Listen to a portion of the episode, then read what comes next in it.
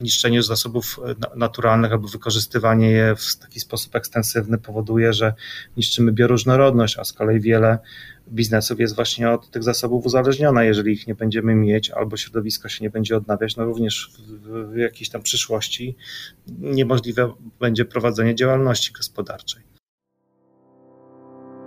Jak odnaleźć się w finansach? Jak sprawić, by pieniądze służyły realizacji naszych celów życiowych? Na te oraz inne pytania odpowiadają goście podcastu Po ludzko o pieniądzach, którego partnerem jest General Investments TFISA i który mam zaszczyt prowadzić.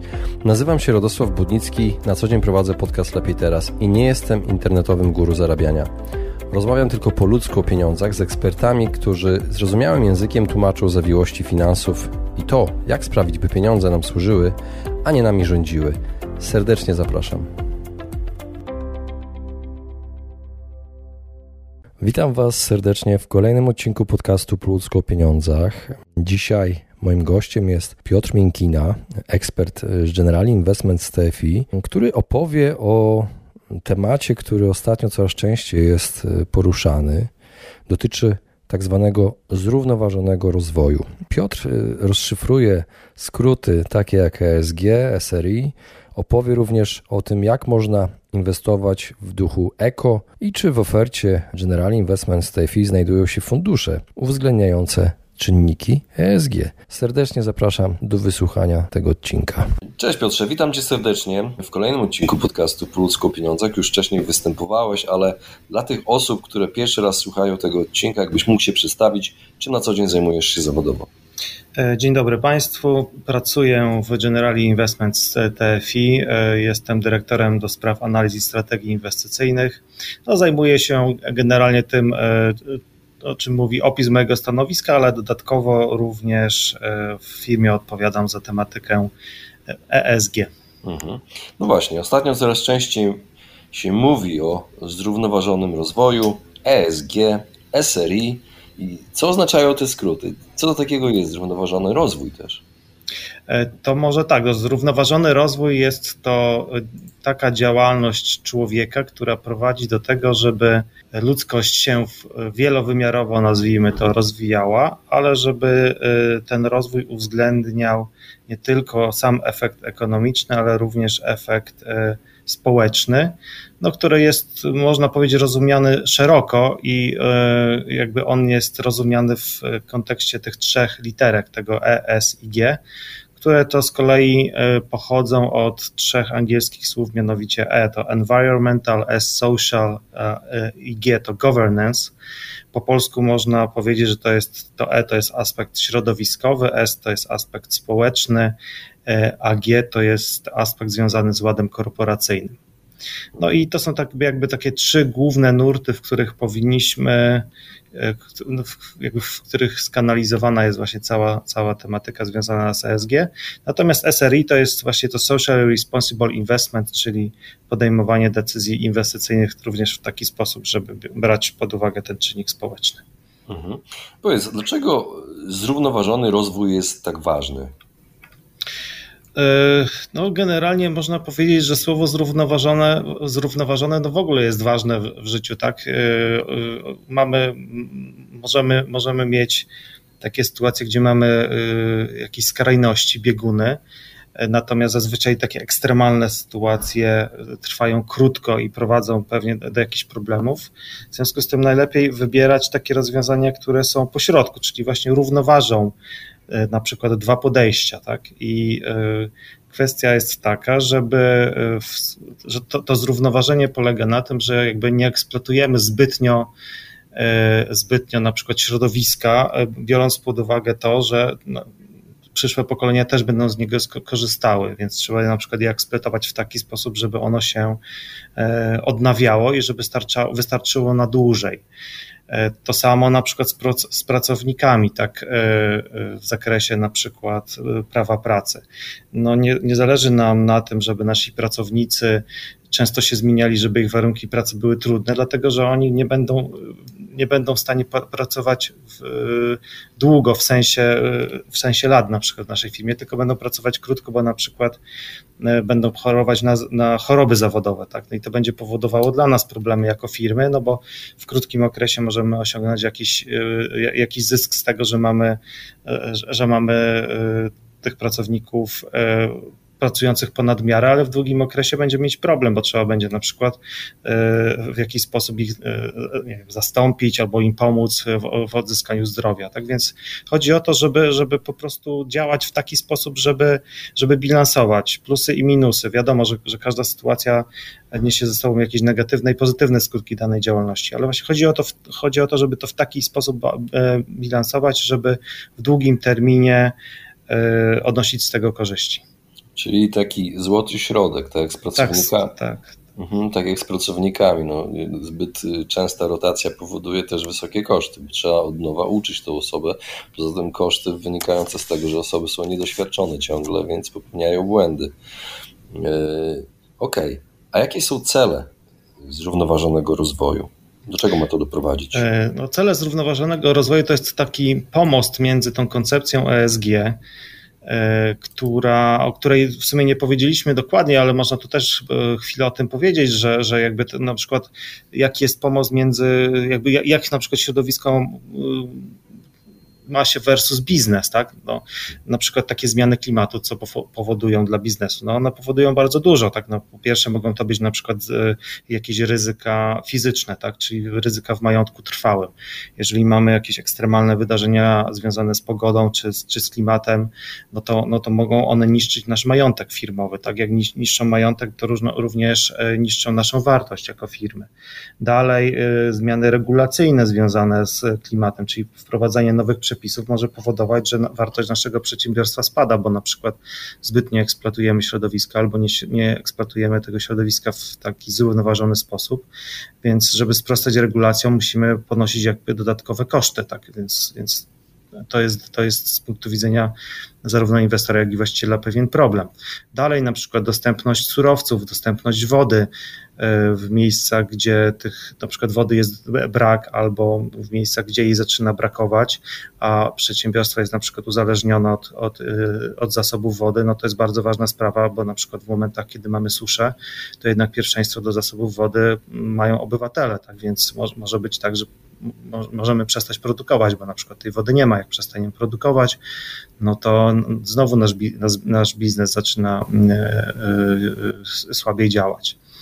E, zasoby naturalne tak samo. No, niszczenie zasobów naturalnych albo wykorzystywanie je w taki sposób ekstensywny powoduje, że niszczymy bioróżnorodność, a z kolei wiele biznesów jest właśnie od tych zasobów uzależniona. Jeżeli ich nie będziemy mieć albo środowisko się nie będzie odnawiać, no również w, w jakiejś tam przyszłości niemożliwe będzie prowadzenie działalności gospodarczej.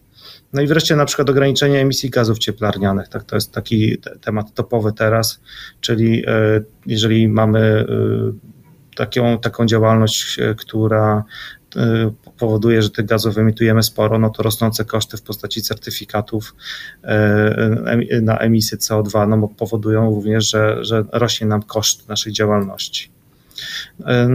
Natomiast na przykład w czynnikach społecznych, no to mówiliśmy o tej rotacji, tak, ale to jest, to jest jeszcze inny wymiar, to jest na przykład wymiar bezpieczeństwa produktów, tak, czyli czy to, co produkujemy, to dla końcowego odbiorcy jest bezpieczne, tak, i to można też również rozpatrywać pod kątem wielowymiarowym, czyli albo mechanicznym, albo chemicznym.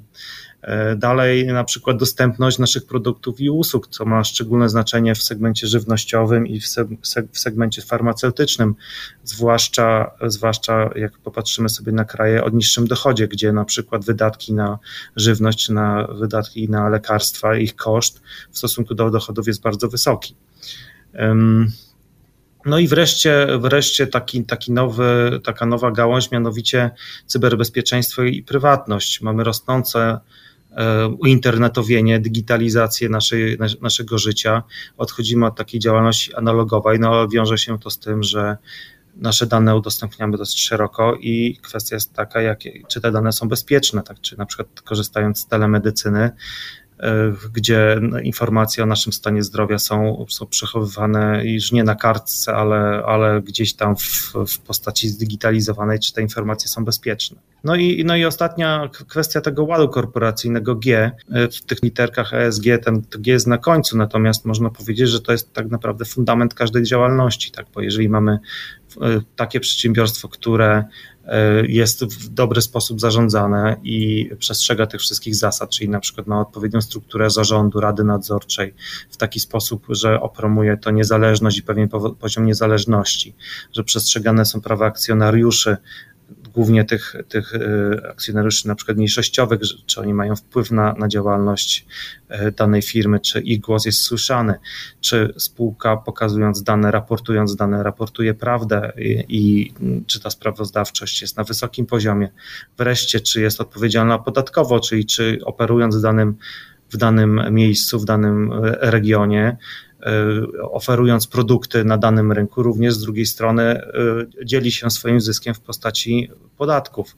No i na samym końcu unikanie korupcji, tak, czyli działa w taki sposób, który nie, nie powoduje, że korupcja jest, jest, e, jest możliwa. No i mhm. teraz wracam do tego, do tego Twojego pytania, co to są te cele zrównoważonego rozwoju. No to jest taki pomost, który łączy E, ten nurt ESG z, e, z, czymś konkretnym, tak? Czyli możemy sobie długo rozmawiać, co to znaczy E, to, co znaczy S, co to znaczy G, no ale pytanie na samym końcu jest takie, co powinniśmy zrobić, żeby właśnie w ten zrównoważony sposób działać, żeby no i na pytanie, co zrobić, no to trzeba postawić cel. Trzeba zrobić to, trzeba zrobić tamto, trzeba doprowadzić albo starać się doprowadzać do tego czy owego. No i y, United Nations, czyli Organizacja Narodów Zjednoczonych, przygotowała takich właśnie 17 celów zrównoważonego rozwoju. No i one wyznaczają kierunki, konkretne kierunki właśnie w zakresie tych trzech aspektów y, środowiskowego, y, społecznego i ładu korporacyjnego. Mhm. A powiedz, jakie są najważniejsze przyczyny rosnącego zainteresowania właśnie uwzględnianiem tych czynników ESG w inwestowaniu?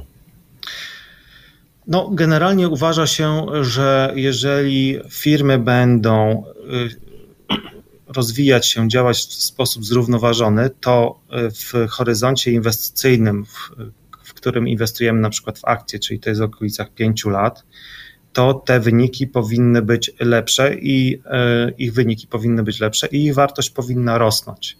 Natomiast jeżeli te czynniki nie będą uwzględniane, no to wówczas takie przedsięwzięcia narażone są na pewne ryzyko związane z tym, że na przykład jakiś czynnik e, zadziała, a firma nie będzie na niego przygotowana i nie będzie w stanie danym czynnikiem zarządzić.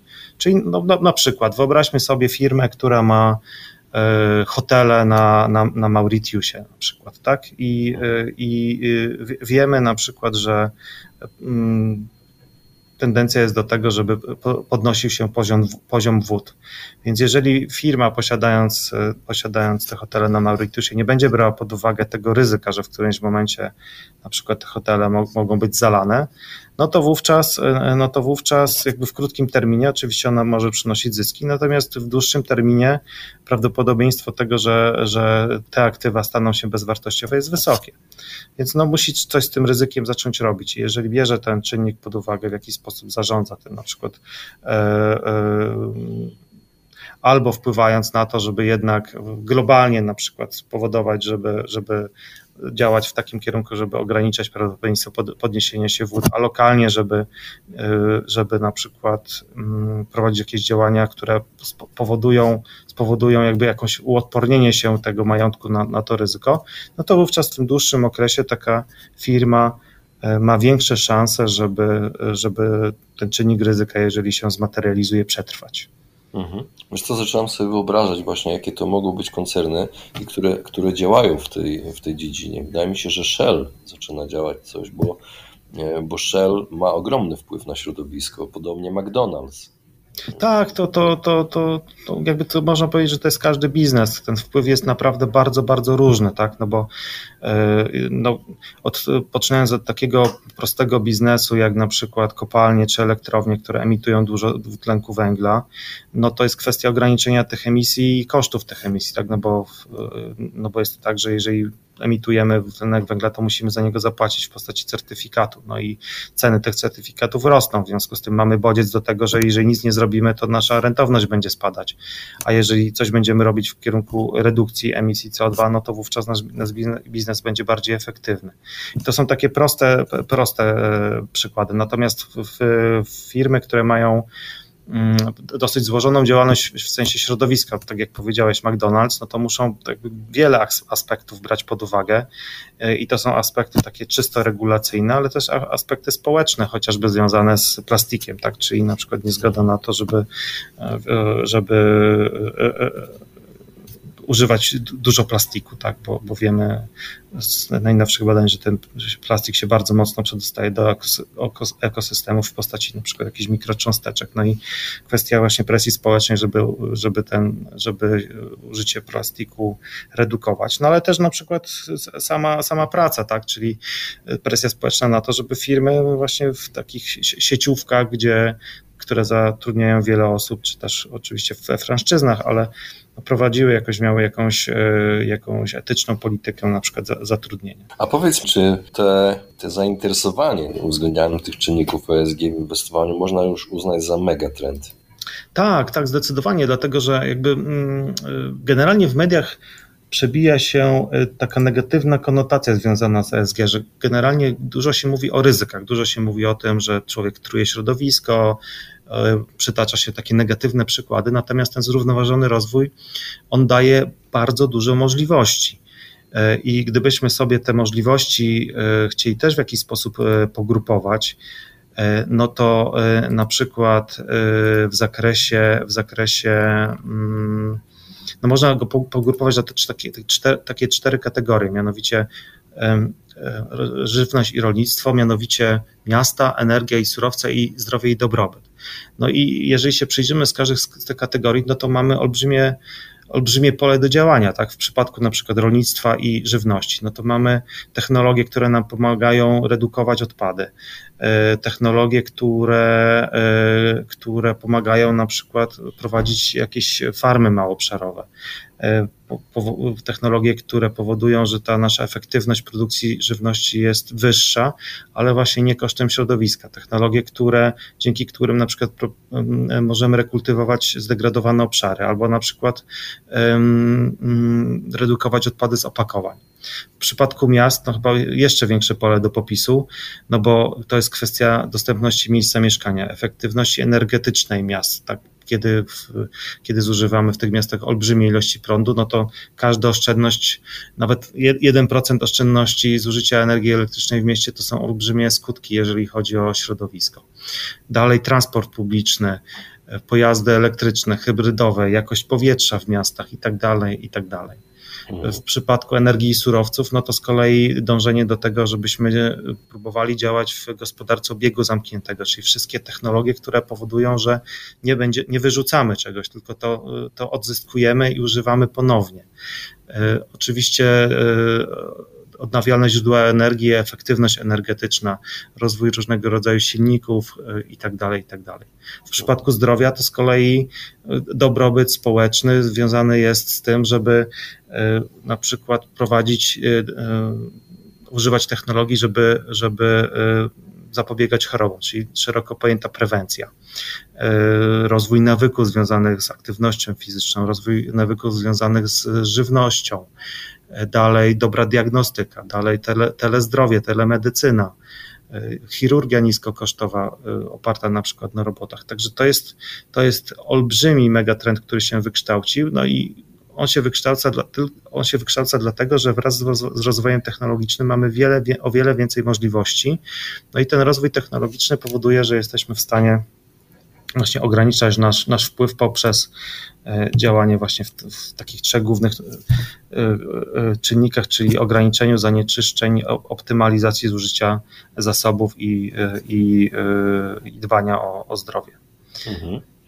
A są jakieś wyzwania związane z inwestowaniem, właśnie z uwzględnieniem czynników ESG?